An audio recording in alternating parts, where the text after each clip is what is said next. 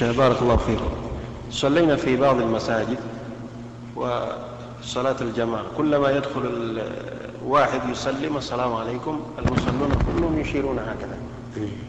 ثلاث مرات وأربع هكذا. الأفضل أن لا يفعل. الأفضل أن لا يفعل. كل من دخل. لكن من دخل قاصدا شخص معين ووجده يصلي سلم عليه. إن شاء. وإن شاء لم يسلم. أما كون كل من دخل هذا ليس معروفا عند الصحابة رضي الله عنهم أن كل من دخل يسلم وهو غلط من الإنسان لأنه يشوش على الناس. فربما يتعجل أحد ويقول عليكم السلام.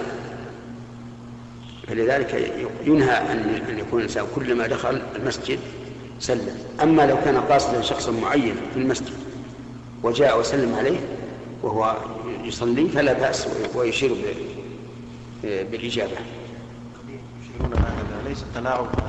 لا لا هو أصلا غير, غير وارد.